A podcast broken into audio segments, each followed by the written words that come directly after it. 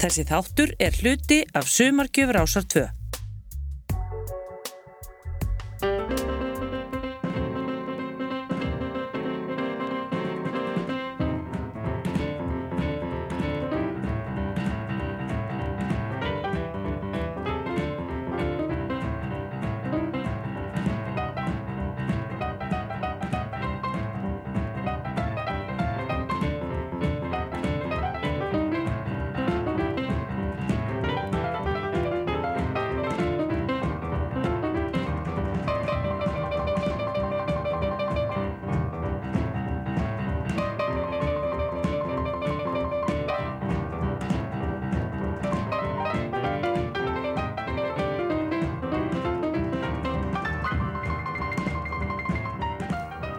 daginn og velkomin í þriðjamannin, Ingólu Markísson heiti ég og já, hvað segja mér á vinstri hlið sittur félagi Árni Þóransson og þriðjamanninn dag, Herman Gunnarsson, velkomin hemmi. Takk að fyrir.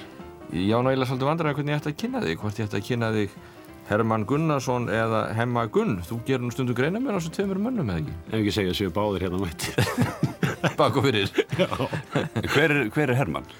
Eh, Ég er nú sagt það kannski áður en, en það er bara eh, held ég ósku brólegur og vennilegur strákur. Og eh, ég held að þessi skilgreining mín eigi nú við okkur flesta. Og sérstaklega fólk sem að vinnur svona í, í fjölmiðlum eða, eða í einhverju þess aftar störfum. Og uh, þá gef ég jafna þessum fjölmiðlamanni og, og, og uh, gósanum sko í mér uh, nafni þá bara Hemmagun og uh, nú það er ekkert landsíðan ég komst að þessu og, og, og nú eru þeir að vinna saman og eru bara orðnir ágætið mátar. Talast við? Já, já, og, ég held að þetta sínum miklu algengara heldur en, en í mínu tilviki. Þetta er nú oft, uh, ég, ég býst við því að, að, að, hérna, að sálfræðingar eða gælarnir myndu skilgarinn sem geðklofa. Já, alveg, ég held við séum það öll. Ég held að, að við getum ég, ma- við sem að umgöngumst marga og kynnumst mörgu fólki að það hefur á sér margar hliðar. Og uh, ég held að það sé ekki skömma því að, að gera svona átt að segja á þessu sjálfur. Ég held að það sé ekki margi sem átti sig á þessu. Er Hva, hvað var Herman að gera í gerð? Herman hann uh, tók daginn, hann fylgist nú með íþróttunum náttúrulega og, og, og skemmtilegum og, Sigri Valsmannan Og var handbóltanum hljóður við? Já, nei, nei, en uh, svona þetta er nú ekki eins mikil áhuga á mig og það hafði í þróttirnar þó svo að ég hef nú lifað hræst í þessi í, í 30 ára eitthvað en uh, ég fylgist með og, og, og svo bara eldaði Herman sér góða mat og, og í gerðkvöldi Hvað var það? Ég fekk mér lambakjött og, og lambasteik og, og eldaði þetta í róleitunum eins og ég geri stundum þegar það vel ykkur á mér og þá eldaði ég fyrir sjálfa mig en býð þá hemma í mat og. Þannig að við vorum þarna tveir og kerta ljós og, og, og þetta var bara mjög ánægilegt kvöld og, En, en, en böllin tók ekki í mig og áður en sem gammal valsari hefur náttúrulega Hemmi Gunn verið samfagnað Hermanni með sigurinn. Jú, jú, þeir voru báði mjög lökulegi með þetta En verður hemmi ekki að vera hlutlaus? Já, hemmi, jó, það er nú kannski, hann þurfti að vera það áður fyrir þeirra, sérstaklega þegar ég var í íþróttunum og sem fréttamaður og, eh, og þá var nú aldrei önnur og, og sem var nýr á skólagötu og, og byrjaði allt í hann var hent inn í þetta starf og, og þá voru við nánast tveir í þessu, ég á útarpinu og Bjarni Fél á sjónvarpinu og nú voru þetta, það odnir heilu hóparnir sem sjá um þetta og, og uh, þá náttúrulega var oft erfitt að vera hlutlaus og, og, en maður remdist við það að Hve- Hvernig hefði nú Herman tekið sigri valsara fyrir 20 árum? Hefði hann eldað sér lam, lambakjöt og Nei, bóði Hemma Gunn í mat? nei, hann hefði fyrst alveg verið á svæðinu og svo hefði hann farið og haldið upp á það með stæð á einhverju öldurhúsinu. Og rætt hennan leik svona framöndu morgun. Sagnar hún nokkuð þess, þess tíma? Nei, ég, þetta var oft að tíma ágætu tími og, og, eh, og uh, maður kynntist náttúrulega og eignaðist marga kunningja í gegnum þetta og þetta var oft líf og fjör og, og sá tími bara liðin og, og, og er ágætur í, í minningunni og, og svo tekur bara eitthvað annað við. En uh, hvernig verður helgunum í dag? Það er uh, nú ákveða lítill munur á helgum og virkum dögum hjá mér svona, en uh, það er svona helst að maður jú, eh, er meira kannski heima við um helgar og, og eh, nú ég fer mikið eh, bara út að ganga og upp í heiðmörk og nú ég er gaman að fara í leikús út að borða og þannig að ja, hér áður fyrir að þá voru helgarnar þær voru mikið atriði og, og skiptu verlugu máli og, og fóru jáfnvel fimm dagar í það spekuleir í helgum en, en í dag er þetta bara eins og hverjana dagur og, Áttu, og ég vaknaði nýjum morgun og, og naut þess að, vera til áttu stóran vinnahópið? Ertu með kannski þröngan en góðan? ég er með mjög þröngan og góðan og þarna hafa nú kannski sumir miskilum einhver tíman að, eh, að eh, ég gerði mig grein fyrir því kannski fyrir 12-13 árum að eh, maður átti mikið af kunningum og, og eh, kannski fáa trösta vini. Og auðvitað á ég marga vini í dag í þess orðs merkingu. En ég held að allir, eða flesti reynir nú að, að eignast svona trúnaðar vini. Og þá er ég að tala um vini sem að vaða eld og brennist einn fyrir mann og, og, og virkilega skipta mann máli. Og þeir eru auðvitað ekkert mjög margir og, en þeir eru mjög góðir og ég var svo langsamur að geta haft svona áhrif á það sjálfur fyrir, eins og ég segi, 12-13 árum. Auðvitað á ég ennþá vini frá því fyrir þann tíma en, en maður getur svolítið valið sér vini. Býtu við, uh, hvað, hvað áttu við þegar fyrir 12-13 árum gastu haft áhrif á það? Hva- Hvað mennur með því? Þá ég við það að þú lítur svona tekur sjálfan því í nokkuð svona sjálfskoðun og með aðstóð annara og áttar þig á raunverulegri stöðu og ég hafi verið mikið til dæmis á skemmti stöðum þar áður og, og í markmenni, íþróttum, eh, skemmti bransa, svo ég glætti nú að, að þá þekkti maður mikið af fólki sem að gætnan uh, talað um sem vini sína sem að voru svo ekkit annað en kunningjar. Og uh, þegar maður fer svona að líta og skoða sína eigin stöðu að þá var þetta mjög kallt að, að þetta reyfiðast upp fyrir mér. Því að uh, þá sem maður eigi marga vini að þá er alltaf það sem skiptir máli eru þessir trúnaðavinir Hver er þinn besti trúnaðarvinnur? ég uh, sem var svolítið erfitt kannski að nei ég myndi telja þetta er svona kannski svona erfitt að, að fara úti en ég geti ímyndað mér að, að Ómar Ragnarsson sé svona minn nánasti vinnur. Og uh, það tók mig okkur sennilega 25 ára að kynnast því að, uh, að það er engin della að við erum einfarar þar að segja svo hlið á okkur. Og uh, þannig að, að það hefði nú verið allir talið það að við, það var nú öll fyrir okkur að kynnast á sínum tíma. Já. þegar vorum að bera skarna í, í gardirkjuvinnu við Östubrún í Reykjavík og vorum þá í endalegsum spurningaleikjum og letum daginn líða.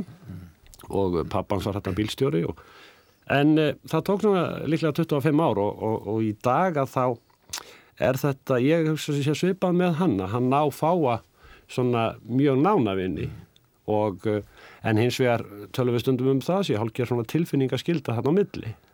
Já, og þið eru nú báður svona menn sem eru náttúrulega á útopni fjölmjölum og, berum mikið á því þjólugunum þannig að og allir svona, já, finnst svona þið þekki ykkur og eiga stóran hluti ykkur og svona. Það Það, er það kann- kannski, það verður þið kannski einmitt að venda svona einhvern, einhvern kjarnar. ég held að það sé nú sameinlegt með mörgum og, og sem að eru í þessum í þessu starfi að, að, að, að það er allir sem telja, ég ger mér alveg fullkomlega grein fyrir því að, að það er hver, nánast hver einasti Íslendingur í gegnum mitt fjölmiðla bröld sem að hefur á mér einhverja skoðun og maður leggur sér svona borðið fyrir alþjóð og þetta er eitthvað sem ég náttúrulega ræð ekki við hvaða skoðun og þá um leið telur Jón Jónsson á, á, á Rauvarhöfn sig þekkja mig mjög vel Hvernig tilfinning er þetta? hún var mjög slæm vegna þess að mér fannst að ég þurfti að fara nokkra ringferður um landið og, og, Og leiður þetta miskilja? já já, reynlega Tala við, hvernig veit svona einslega? já, já, því að, því að einhvern veginn að þá og, og oftar en ekki hef ég verið stættu til dæmis út á landi og gorseldur á skemmtunum eða kynnast fólki að, að þá hefur fólk sagt um mig nú, ég vissi ekki hvað er svona og þá var ég einhvern veginn allt öruvísi Þá varstu hins einn. já, ég hef verið hins eginn þó ég sé það ekki Jæja, nú skulum við hlusta á lag Það er heldur. þetta lag, já.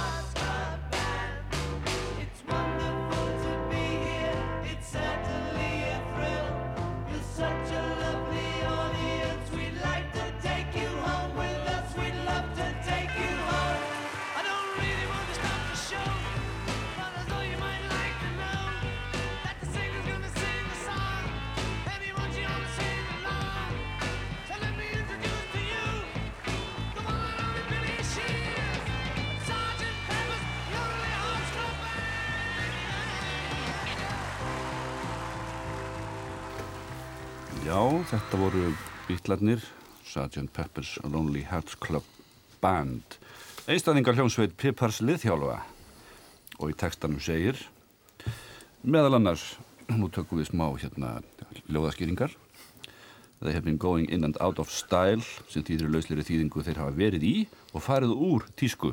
Spurt er, Herman Gunnarsson. Hefur þú fundið þessa tilfinningu sjálfur að fara, að vera í tísku og fara úr tísku?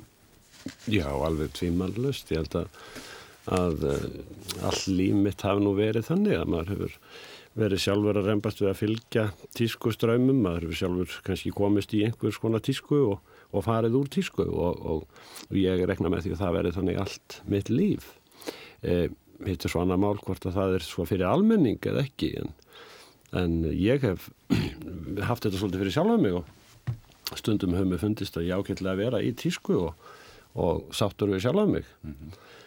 og svo þess á milli að þá hef ég verið ónaður og þá hef ég ekki verið í tísku og hjá þeim sem ég nefndi hér á það var báðum mættir. Nú ef við höldum áfram með hérna, textaskilgreiringar bílana þá segir þessu texta líka But they're guaranteed to raise a smile. Í lausleiri þýðingu tryggt er að þeir kalli áallt fram brós hvernig er það? Hemmi er ekki alveg skjálfileg byrði að kalla alltaf fram brós og vera alltaf svona fyndin og skemmtilegur út af við.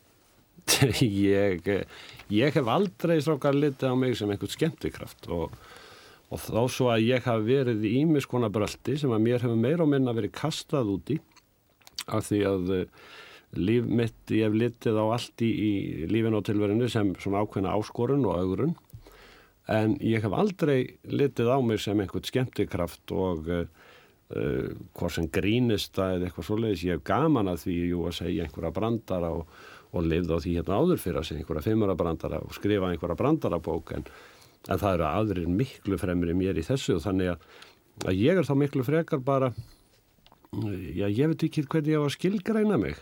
Uh, nú þetta með að kalla fram brosað að það er ekkit alltaf sem ég geri það og, og, og ég ger mér alveg grein fyrir því En hvað ertu þá? Þú ert ekki, já, þú ert í vandrað með að skilgreina þig Já, já. Ég, ég veit ekki ég, ef, eins og ég nefndi að þá hef ég eh, sjaldan eða ég veit ekki, ekki oft sótt um vinnu og ég hef lent á hinum á þessum stöðum og þannig að í einhverju sem að ég áttaði mig aldrei á og ætlaði aldrei að, að fara út í og uh, þá hef ég reyndað fyrst sagði maður og ég segi ennþann dag í dag þegar ég beður um eitthvað nýtt að, að þetta get ég ekki og segir hinn aðilinn í mér og hinn segir þetta er augrun, þetta er áskorun við reynum þetta. Og svo bara skellum maður sér úti. Mm -hmm. og uh, þannig hann er kannski eftir ævintýramæður ég held það, Já. ég held það og, og, og ég held að uh, stjórnarspegingurinn uh, Gunnlaugur, hann fara nú oft nærri í lýsingum á mér en ég er nú fengið þegar hann nokkru stjórnarspekingar sem að hafa ger, gert mitt kort og, og ég veit ekki, það er margt sem að á vel við bógamannin í mér og allavega afneita ég ekki öllu og, og ég legg enga dóma það hvort að þetta er svo vísindalegt eða ekki en, en þá þarf maður líka að þóra að, að horfa á sjálfan sig og En þessi tilfinning sem svo horfa á sjálfan sig standi þessu ymitið þessu bílateksta segir It's wonderful to be here unaslegt að vera hér Er, er þetta svo, Herman? Er, er alltaf unaslegt að standi flöðlösunum? Nei Er alltaf, fær alltaf sama kikkið út í því maður nota já, já. það slangur uh, Nú ég uh, byrjaði mjög snemma að, að, að svona trana mér fram held ég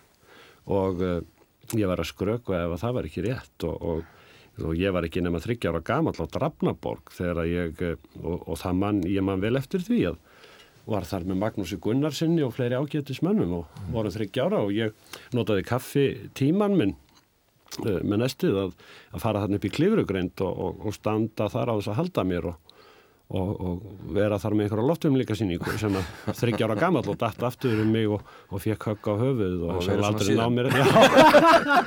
Ég held það Jú, ég eh, var til dæmis í, í Vestlunarskólanum og þar lendi maður á skemmtunum og með ágætismönnum áskýri Hannesi og fullt af góðu fólki sem þar var að tróða upp og Og, og ég var að reyna að vera eft, með eftirhermur með Vilhelm Gunnari Kristinsinni vinnu mínum og, og við vorum með prógram í 2-3 ár og, og ég var meira með, ég tók, var með tvær, þrjá rattir en Vili var svona með oppan að þessu. Þannig að, og svo náttúrulega fylgir því í íþróttunum að, að ef að þú ætlar að ná árangri að ég held ég að verið mjög metnaði gætn og, og kannski ekki nóg mikið en, en ég, eh, það þýðir það að maður er í einhverju sviðsljósi. Er þetta sínithörf, aðtiklistörf? Já, það getur verið á, á þeim tíma en uh, síðan svona mingar þetta, hefur þetta mingar hjá mér þessi þörf fyrir það að, að vera endilega upp á sviði og baða einhverjum ljósgeislum því að, því að þetta er mjög afstætt og, og, og hverföld.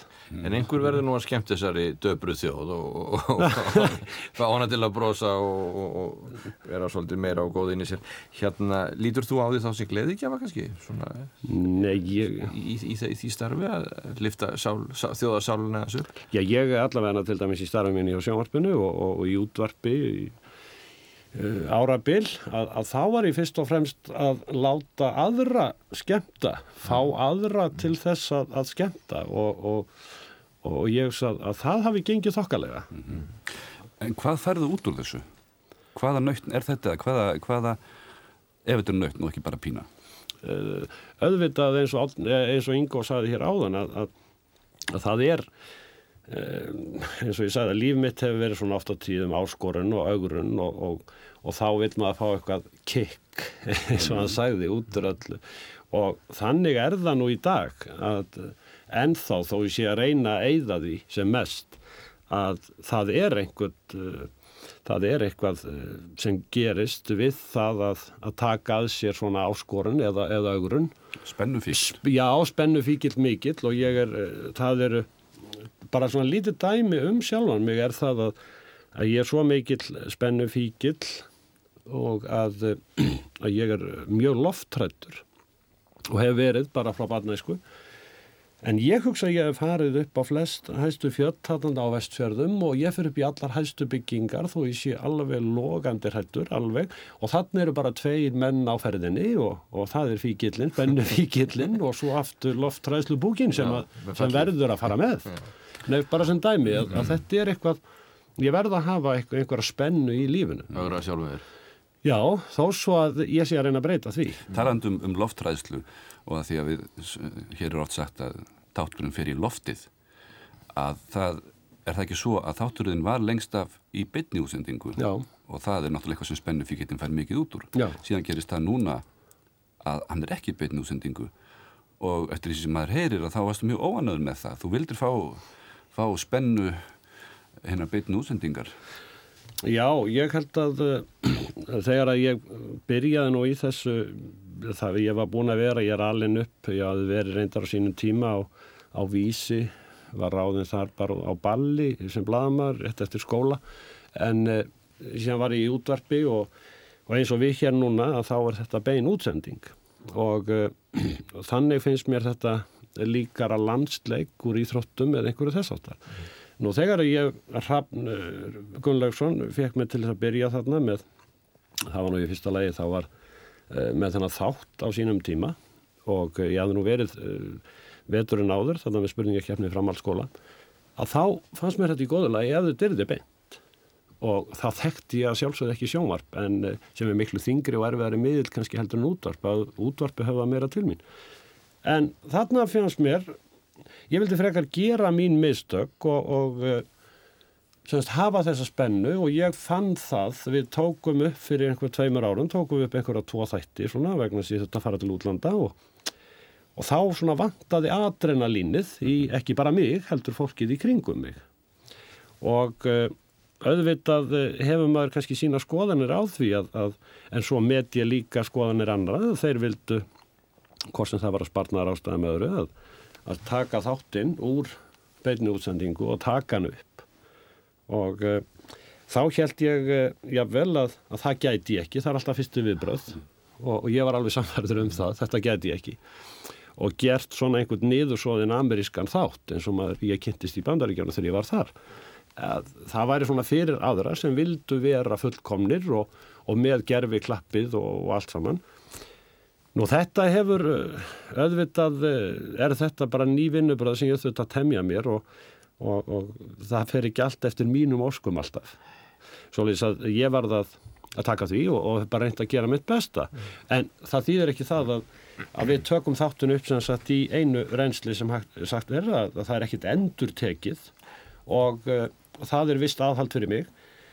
Og, ég reynir svona síðustu fimm minútu fyrir hvert þátt að að telja mig trú um það, ljúa sjálfur mér að þetta sé nú beint allt en segðu hefði hérna þegar að, þegar að hérna, þú ert búið með svona þátt og, og ég tala nú ekki um uh, beinu þættina eina uh, talandu um spennu, er ekki mikið spennu fall þá eftir, eftir þáttin? Það er nú bara ólýsanlegt, það er óskup einfalt.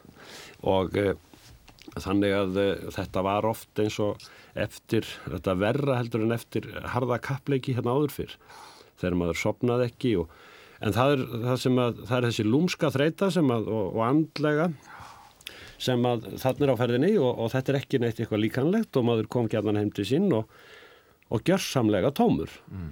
og, og skildi ekki akkverju og þannig hefur það oft verið að sérstaklega þegar ég var að vinna útvarpun ekki síður að maður eitti allri sinni orgu í það að þóknast öðrum reyna að vera með skemmtilega þætti og, og, og nú þá skemmti ég mér talsveit mikið og, og ég held að ég var að því.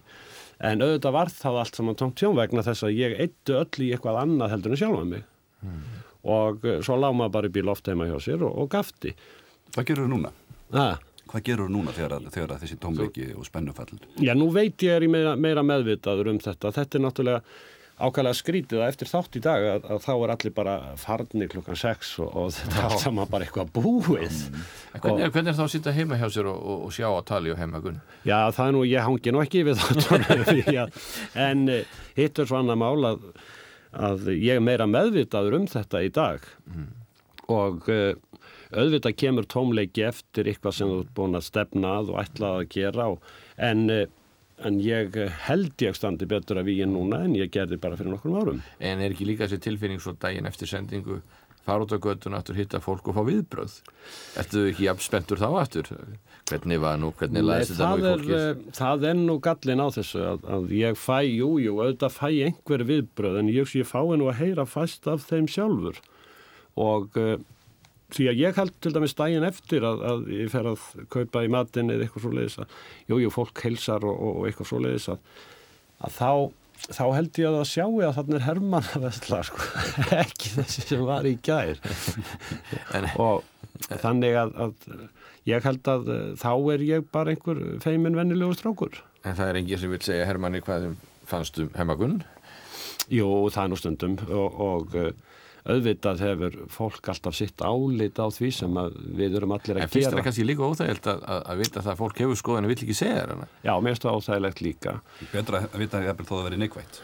Já, og uh, ég, ég hef alla tíð, og svo að sömur telja, eða halda svo sé ekki, en, en ég hef alla tíð orskað eftir því að fá gaggrinni á það sem ég var að gera og bað sérstaklega um hana þar sem ég var á mjög góða vinnustad á útvarpin á skólagötu og og sérstaklega hjá vinkonum minni Margreði Indriðadóttur, fréttastjóra og vegna þess að ég vissi það að maður gæti ekki bætt sig nema að, að taka einmitt leiðbenningum mm -hmm. En þú tegur gaggrið í nærðir eða ekki? Ég gerði það, já nú mingað sem betur fer en uh, vegna þess að uh, auðvitað fæ ég alls konar gaggrinni þegar að hún hins vegar er á því plani að, að það hún snýst bara um mína personu og skýtkast út í mig og, og, og eins og ég segi það er mér líkar ekkert við alla og allir líkar ekkert við mig.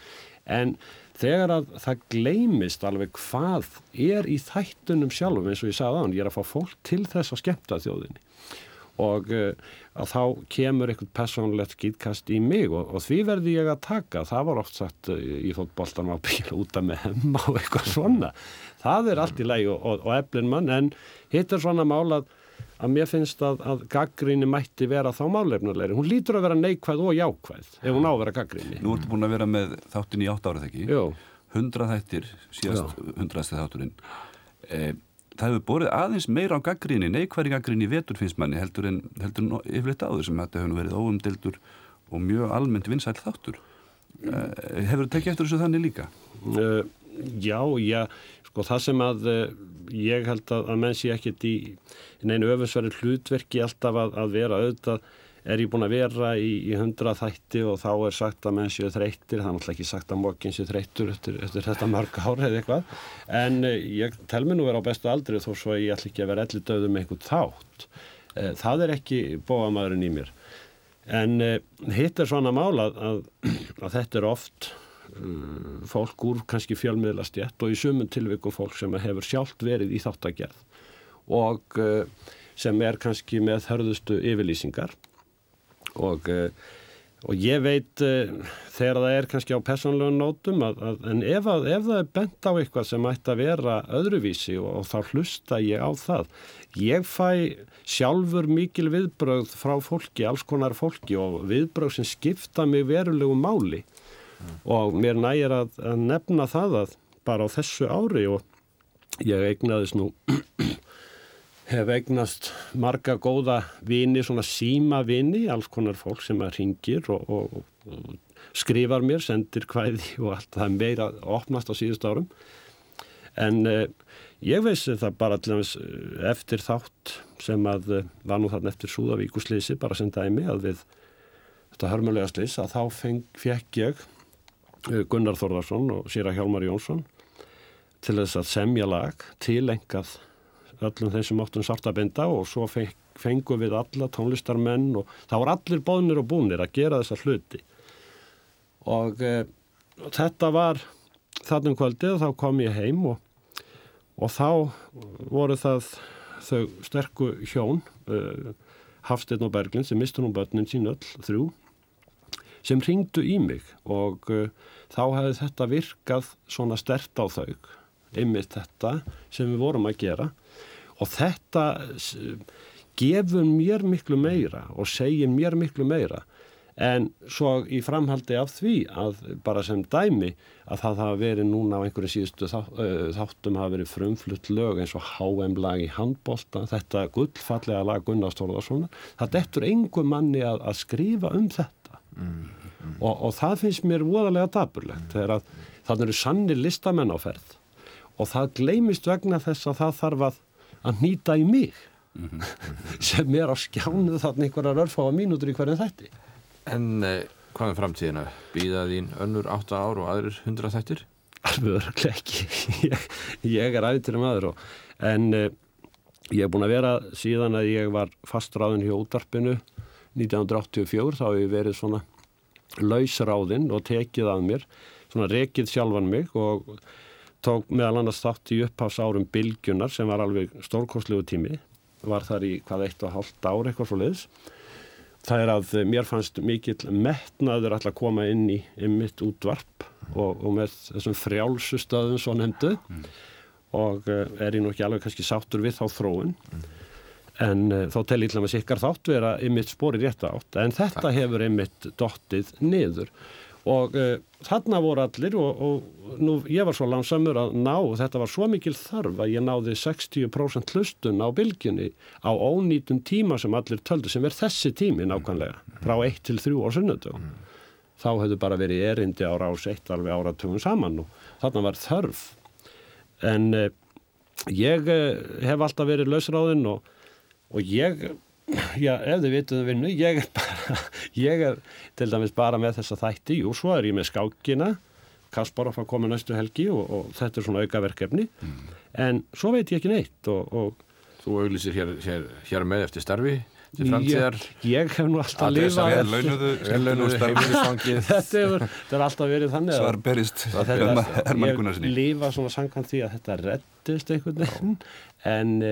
Hins vegar er það nú að uh, þá vil mann svolítið vita hvað tekur við og, og það er nú ekkit farið að ræða það hvorki með sjónvarpið, útvarpið nokkur skapaðan hlut. Ja, það er ekki óþægilegt að vita ekki svona hvort að þátturinn á ekki að hvort hann á að hætta eftir þrjá þætti viðbóð sem þú ert með hennar í voru og svo veist ekki nýtt. Já þetta var, uh, þetta verið vilt verið ákveðið sent og um síður og, og uh, einhverja hluta vegna, ég veit nú ekki ákverju og, og til dæmis í fyrra að þá var þetta nú ákveðið svona setjapartin í september að, að þátturinn myndi byrja eftir halva mánu Og þú fórst í lofti með í ekki? Jú, bara halva mánuðið senna Gott fyrir spennu fíkilinu þetta Já. Þetta getur að vera óþægilegt en, en ég, ég, segi, ég veit ekkert hvað tekur við og ég hef margar hugmyndur um þáttagerð og ekki síður í útvarpi og, og annars konar þætti fyrir sjónvarp en það tími verður bara að leiða það í ljós og, og Starfsumsóknin er farin í loftið. Já, já, og þá bara held ég að komið lag það kom einu engil það kom einu engil til einu stúdíu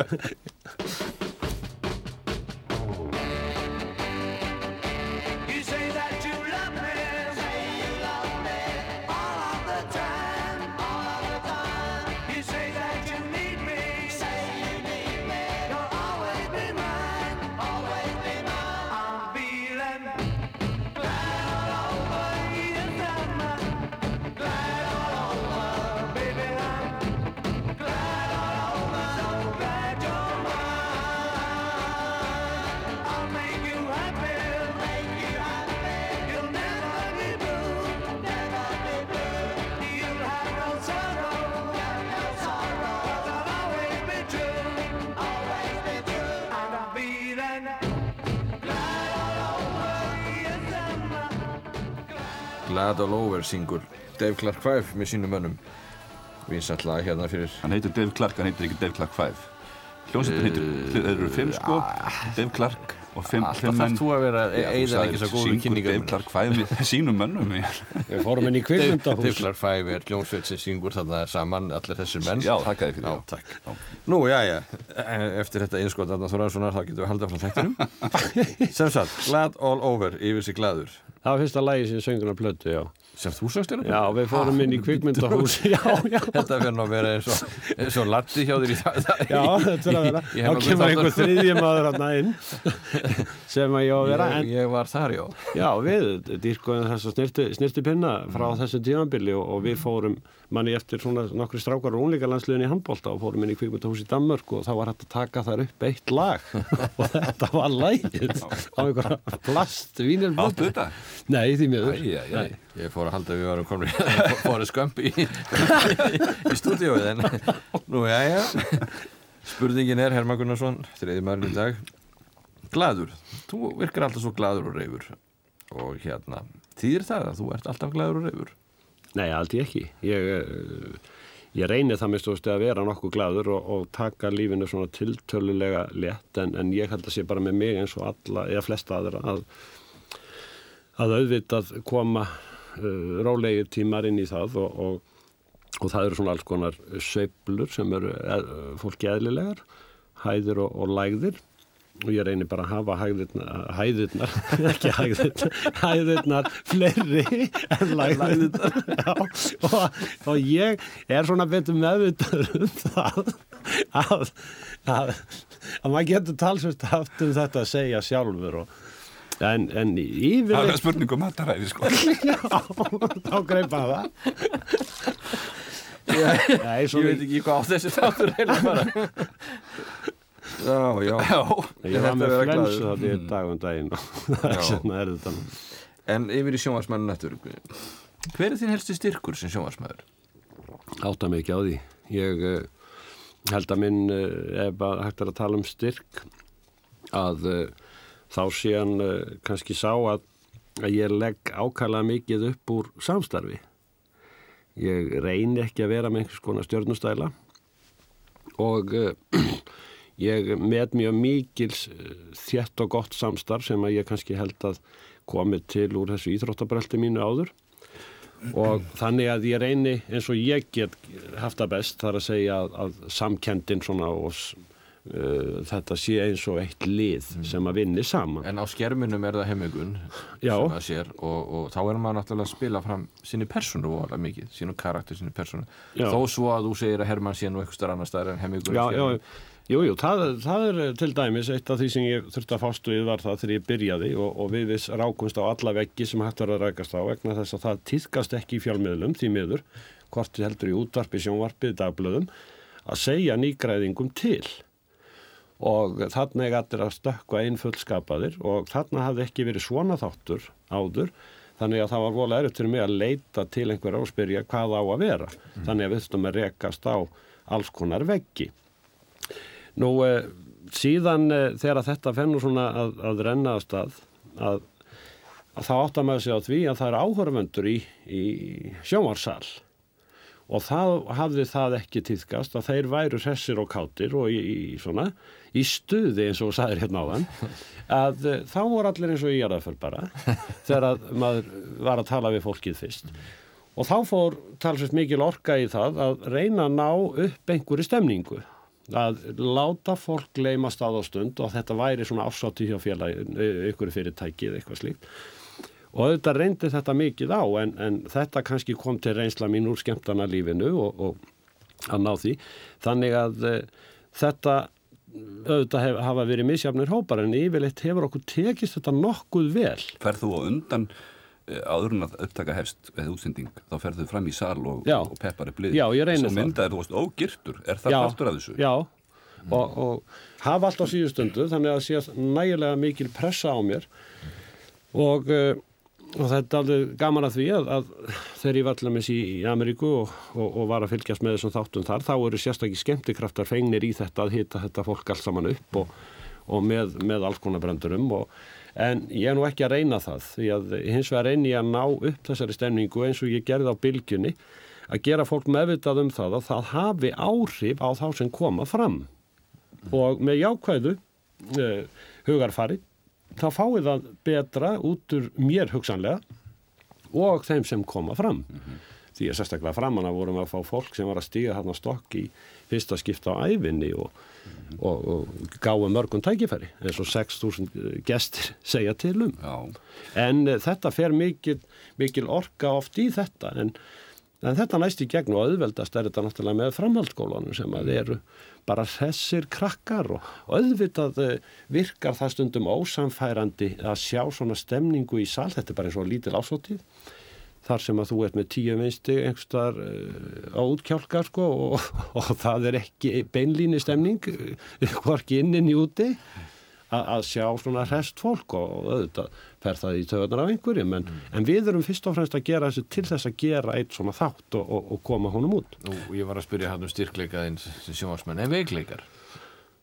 ég er uh, til dæmis að uh, þá er, er ég samfæður um að það myndi ekki allir stjórnendur eða svona sem við köllum á sjónvarsmáli pródusentar áræðanlega að vinna með mér. Ég, ég er ekki það agaður að ég geti unnið alveg eftir handriti og, og uh, sérstaklega er þetta nú kvimleitt í, í sjónvarpi þar sem þarf að skjóta inn innslögum til dæmis með börnunum og, og faldri myndavél einhverju slíku að þá tekur það ákveðnar sekundur og, og þannig að þeir stjórnendur sem hafa unni með mig, Björn Emilsson og Egil Evarsson, þeir þekkja mig og þeir verða bara að geta sér til um hvenar hættir maðurinn.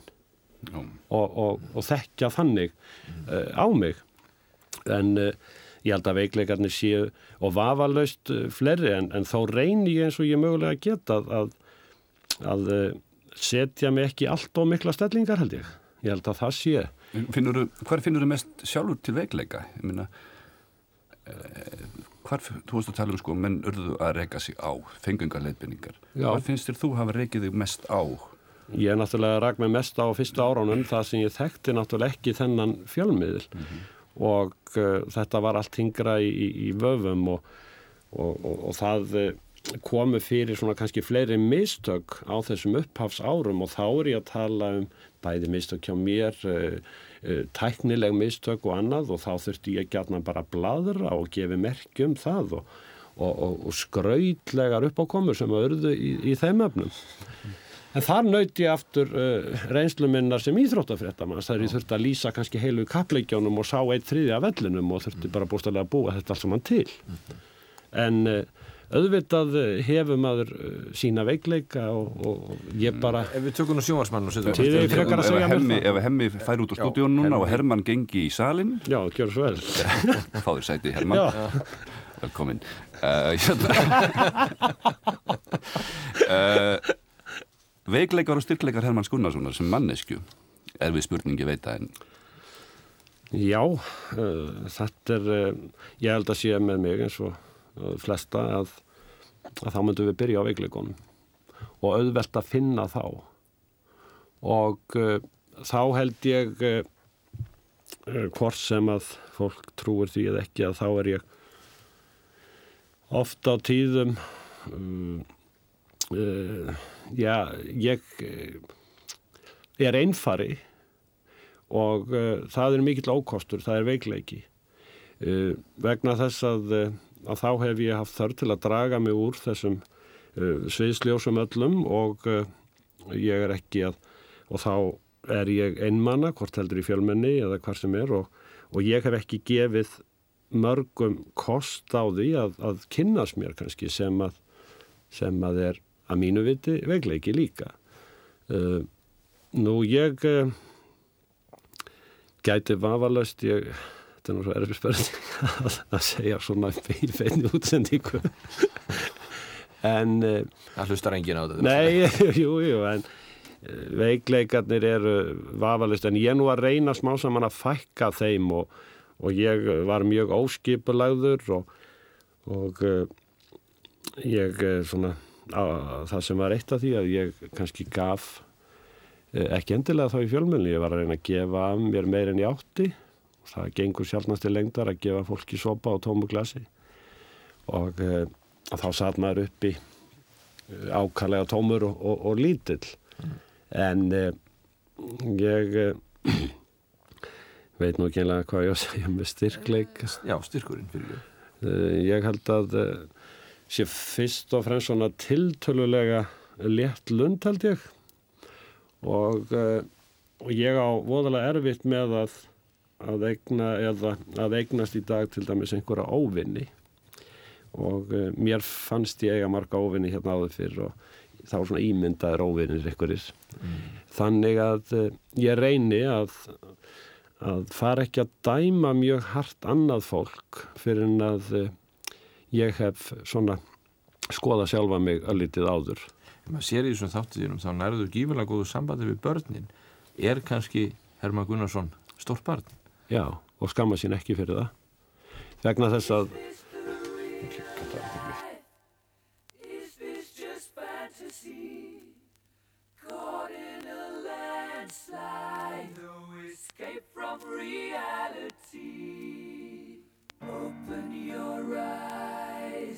look up to the skies and see.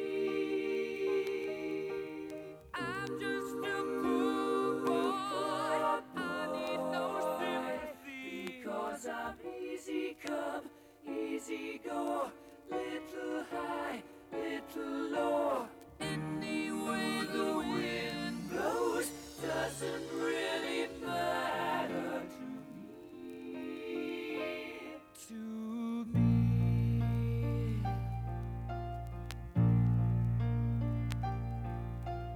Mama just killed a man, put a gun against head, triggered now.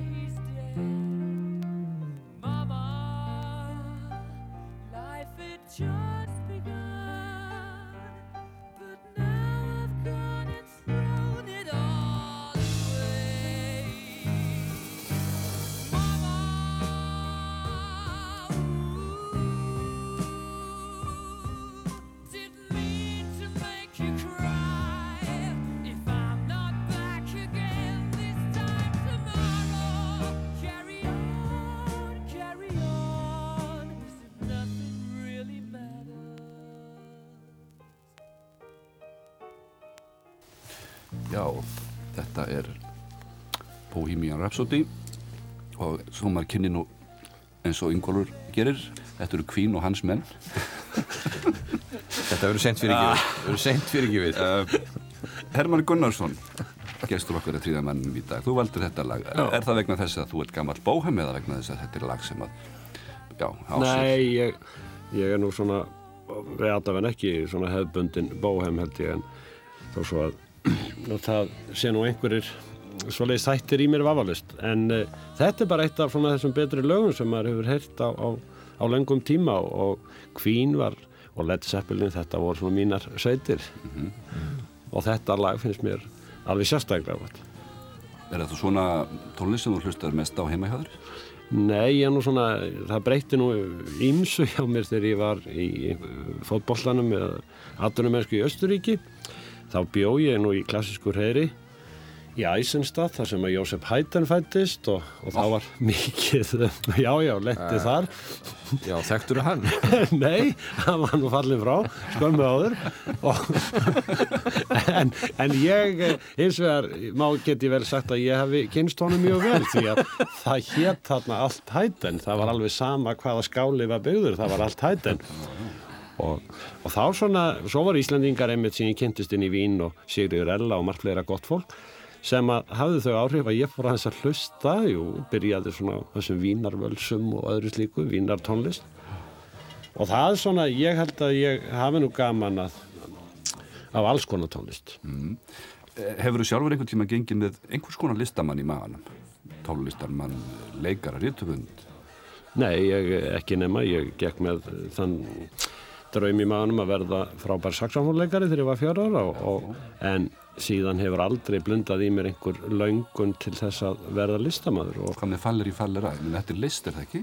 ég guð mig góð, þetta er, þetta er eitt af þessum klassísku eins og ég saði við Kristján Jóhansson á sínum tíma sem ég þjálfaði fótbolta, við varum svona kollegar en nei, sko, þetta, þetta er eitt dæmi Sungið af Hermann Hæden. Ég Hermann Hætten en Hemma Hætten, það, það er ekki slæmt og nú ég eh, lendi bara inn í þessu og ég átti að lesa ævintýrin á blödu og þá var allt í einu sagt út að syngja þetta lag og þeir eru ekki hugmynd um hvort ég geti það ekki Nú- og þetta hefur fyllt mér síðan Þú ert nú búin að koma víða við. Jú, þú ert jú. búin að vera í fjölmölum og þú ert búin að vinna á skattstofunum er að segja, þú ert búin að vera íþróttafréttari það eru skemmtikraftur og guð veit hvað og það sem þú fengist við einnig að þú hefur verið farastjóri til margra ára hvernig er það? Er það í útlöndum sem að þið sanna eðli Íslandingsins byrtist? Já, stundum er það þannig og ég eh, byrjaði og vann fyrir þann í byrjun þann ágæta mann Ingól Guðbrandsson og e, það var mjög gott einmitt og það er svona dæmi gert fyrir mig því að fyrst skipulaði ég einmitt einhver útsýnar kvöld fyrir hann á sínum tíma og svo átt að ræða eitthvað um, um kaup og kjör og þá kunni ég mjög vel að meta það sem hann saði ég eh, vil ekki ákveða hvað ég borga þér því að ég vil fyrst sjá hvað þú getur þetta. Áskorun. Já, já, já. og, og við vorum mjög, sáttir báðir eftir það. Nú ég byrjaði þarna á Spáni og var þarna í nokkur sömur sem farastjóri á Spáni. Og uh, ég held ég nú stöðlaði því að breyta talsvert á ágjötu fólki sem þar var. Svona venjum Íslandinga á Spáni. Það svona, hefur verið erfitt. Nei, það var nefnilega ekki erfitt vegna þess að svo kynnslóð sem að eh, já, er kallast mjög ungt fólk í dag að það er alltaf öðru sér þengjandi heldur en okkar kynnslóður. Svo slóð var það þegar þessar spánarferðir byrjuðu svona um og eftir 1960 og sérstaklega upp úr 1970 og þá var fólk tróðinn í flugvila, sturtanir á spán og, og það var alls hægt að það hafði bara sundlaug, bar og diskotek og gatt þessna verið á rauvarhöf sko. Og var þarna í þrjár vikur og, og, og í Kuba Libra og öllu sem að því fylgdi og uh, nú uh, síðan uh, fór, svona menningin að koma inn í þetta. Og hún kemur ekkert með mínum árgangi heldur kemur hún með yngra fólki sem ég var einmitt að vinna með sem vildi kynna spáni og, og fara til Afríku og, og skoða svona þá menningu sem áratni gá okkur og allt það. Uh, vildi fá sem sagt meira fyrir sinn snúð heldur en minn kynnslóð En nú hefur svo orðrómur verið á kreiki að þú ættir að fara að standa fyrir svo kallum hemmaferðum til Thailands, er eitthvað til því? Nei, nei, það er ekkit hemmaferðum en, en ég hef farið sko þrísa sinnum þarna austur með hópa. Byrjaði nú 1988 með því að fara á olimpíuleikana og síðan yfir til Thailands og uh, hef þrísa farið í svona ævintýraferður og reyndar fengið atvinnum tilbóð þarna eistra mitt í þessum ferða geira uh, skipuleikja ferðir þá fyrir Amerikana og, og þjóðverja Íslendingar eru mjög fáfróðir yfirleitt held ég um, um Asíu og, og, og þetta er einhver, einhver mest spennandi heimsálfa sem að maður hefur kynst og, og það er, það er eins og Tæland, það er strax komið einhvern stimpil hérna úti á norður hér að veraldar og uh, það er alveg dapurlegt, ég fór nú með sér í stjórn Tælensk Íslenska félagsins til þess að svona eiga þátti því að, að fækka fordómum. eh, Þetta þá meina hennan kynlífstimpil? Já, til dæmis, Já, já. Sem, að, sem að við erum með út hér á Íslandi og, og, og, og í nágrann löndum okkar. En staðrendin er nú hins vegar svo að í búta trú og svona þá er nú kannski held ég upp til hópa meira og betra siðferði heldur en að við eigum að venjast hér á Íslandi og, ég held að við ættum nú ekki að vera að dæma þjóðir með 3-5 þúsund ára sögu á bakvið sig sem að hæ- þjóðir eins og til dæmis Þæland, ég nú verið í Vietnam Malasíu kóru og út um allt þarna og meiri sér til Norður kóru sem er eitt fallegasta land í heiminum en þarna hefur, eru lönd sem hafi bá alltaf bjóða og það er engin tilvilin að taka upp hérna 2-3 James Bond myndir út á náttúrufjörð og Gætur hugsað þér að setja stað í útlöndum? ég, eh, ég, ég hef nú búið í útlandum, ég hef búið í Östuríki og, og, og ég gæti verið, eh, jú, ég held það en ég held að ég sé samt sem áður með rætur mínar hér og komið til með að vera hér. Er það því niðurstaða eftir að hafa farið svona víða og verið á skastofinni og, og í sjónvarpinu að uh, hjörtum mannuna slá eins hvar sem þau slá? Þau, nei, Slá, vinstra, vinstra megin ofalega þau, Já, það, já. þau halda, þau slá ekki nákvæmlega eins, það getur vel verið að sé nú svona svipaðu taktur. En, en hitt er svona mála, til dæmis í, í Asíu, að þar er fólk betur meðvitað til dæmis um sína trú og betur meðvitað um það að hamingjan kemur innra, er, býr innra með okkur. Og ég held að við mættum alveg fara átt okkur á því Íslandingar svona í, í reynskilni sagt. Og, og, og láta af allir í síndarmennsku og, og leifa bara náunga kærleika að ráða og reyna að stefna því að bæta okkur sjálf. Well, I got a woman way over town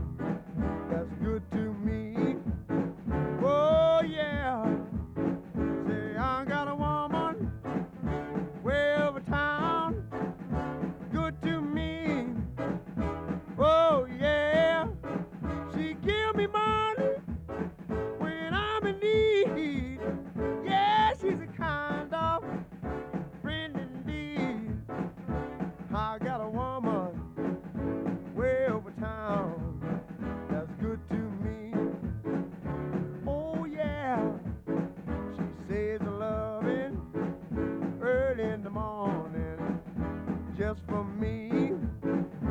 Oh yeah, she says a loving. I've got a woman syngur Ray Charles og hans menn Nei, Ah, þetta er hljómsveitin ég- ég- Ray Charles. Hljómsveitin Ray Charles. Jæja, Árni er í stöði í dag, heyrði Nú, I've got a woman Ég á mér konu Ég á mér konu út í bæ sem er góð við mig syngur Ray Charles Átt þú líka konu hemmi minn Já, ég því miður. En Hermann Nei, nei, ég eh, á ekki konu og, og, og sakna þess nú oft og uh, stefni nú svona því að breyta því eitthvað. Já, Já. hvað ætlar að gera í því? Ég bara átta mig ekki á því því að það er eftir að draga hem, Hermann Út úr skelinni. út úr skelinni og uh, jú, jú, ég held að, Áttu erfitt með að bindast þar að segja Hermann. það var nú áður fyrr og, og það var nú kannski vegna þess að áhuga málinn voru mörg og, og, og ábyrðin kannski ekkert uh, svo mikil og uh, þannig að nú ég uh, eignaðist ég eignast góðar vinkonur og, og, og kynst góðum stúlkum og, og sem eru Hafa þær Verið leik, leik, leikið mikið hlutverk í þínu lífi, konur? Já, ég held það. Ég held að, að ég hafi og svona þær stúlkur sem, að, sem er nú kannski ekki mjög margar sem ég hef verið svona einhverju föstu sambandi með að, að þær eru yfirleitt mjög góður vini mínir í dag en það er eins og þegar maður þekkt ekki sjálfan sig að, að þá var maður ekki tilbúin til þess að, að axla þá ábyrð og á, á, á þeim tíma. Ertu það núna? Já, ég held það. Ég, uh, svona nokkurn veginn ég viti hver ég er í dag og uh, svona hverja mína þarfir og langanir eru. Þannig að þú getur vel hugsað að vera bara fjölskeldufæður í dag Já, að, að vísu er ég ekki, ég er ekki með sama hugafar og þegar ég var 18 ára þegar ég var að leita að einhverju þokkagiði alveg rosalega falleri og, og, og hún var svo gáð og skemmtileg og þetta allt saman. Ég held að, að það sem meira að maður sé að leita að jú auðvitað skemmtilegum lífsverðunauð og, og það sé öllu nöðsynlegt en, uh, en þá með gagkvæmri virðingu fyrir áhuga málum og öðru og ég væri til dæmis á, á ferðarlögum mínum að þá væri mjög skemmtilegt að, að, að taka sína konu með og til dæmis á kvæfljóti á romantískasta staði í, veröldinni. En ef ég á eftir að giftast þá fer ég þangað í brúkasverð Verður þú fyrir mikill áreitni á konum? Nei, Ringi ekki í þig og var einhver tíman uh, það var uh, svona eitthvað þegar fólk var að skemmta sér og svoleiðis en, en ég er nú svo heppin að, að, að ég er lítið tröflaður heima og uh, það er einhvern veginn orðið þannig, ég hef gert þannig mjög góð greinar skil á milli mm. vinnu, starfs, annarsvegar og, og, og, og heimilis og nei, nei, ég, ég hef ekki ekki verið eitthvað tröflaður af, af konu, síður en svo En að því að við erum nú svona komin á síðasta snúning hér í þessum þætti eh, ef þú horfið nú tilbaka og ert nú alveg heiðarlegur Hermann mm. Eh, myndur að segja að það hefur lifað skemmtilegu lífi? Ég held að það sé nú vægt til orða tekið Það er vægt til orða að tekja Já, ég held ég eh, það er ákvæmlega fáu sem ég vildi breyta úr, uh, úr svona frá leiðinni tíð þá svo auðvitað hefði sumt mátt fara pínlít öðruvísi. Og hins vegar hafa mér gefist svo miljón tækifæri á ólíklegustu verkefnum og, og tækifæri svona sem að sem að ég er mjög ánaður með. Eitthvað tækifæri samt sem þú sérð að, þú glatar eða þú, þú mistir af, þú sérð eftir að hafa ekki gripið. Ég, auðvitað kom það upp á sínum tíma eins og ég sagt áður, ég meni ég ætlaði auðvitað að, að verða eh, einhver löffræðingur, ég vorið lélugur sem slíkur, ég sá eftir því að, að, að hafi ekki sem sagt farið Skóla, skóla Já, háskólan og klára það og tekið íþóttur fram yfir. Eh, auðvitað eh, þegar að ég mér gæst tækifæri í atvinnumennsku að að leggja þá ekki á mig og stefna að því sem ég hafði eh, þá stemt að í íþróttunum að fá það besta kannski út úr mér eins og menn hafa verið að gera kannski sumir. Og uh, ég uh, þá sá maður eftir því þegar maður fekk tækifæri eins og í Þískalandi og, og einhver tilbóð og annað.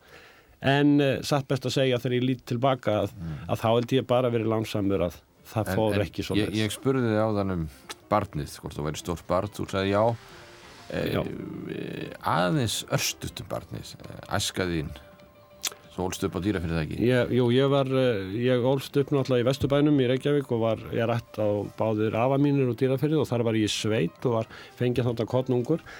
Það er eh, mikill sveitamaður í mér og þar var ég hjá indislegum hjónum eh, í Haugadal í dýrafyrði og þegar að einmitt ég er tómur í dag að eh, þá leitar hugurinn þarna vestur og þá er ég mjög öll með að sofna.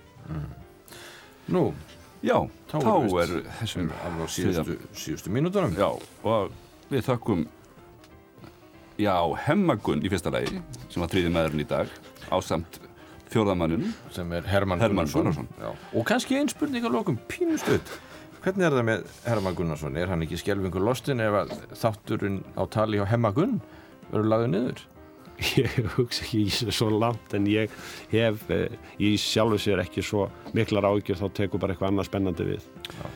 Hermann, þakkaði kjærlega fyrir komin í dag Ingónum Margjursson var fyrsti maðurinn í dag Annar maður var Árni Þorvarsson og við báðurum verðum hérna á sunnudaginn eftir viku og við þökkum einni fjórðamanninum sem var Hermann Gunnarsson. Það? Ég þakka fyrir hönd okkar félagana.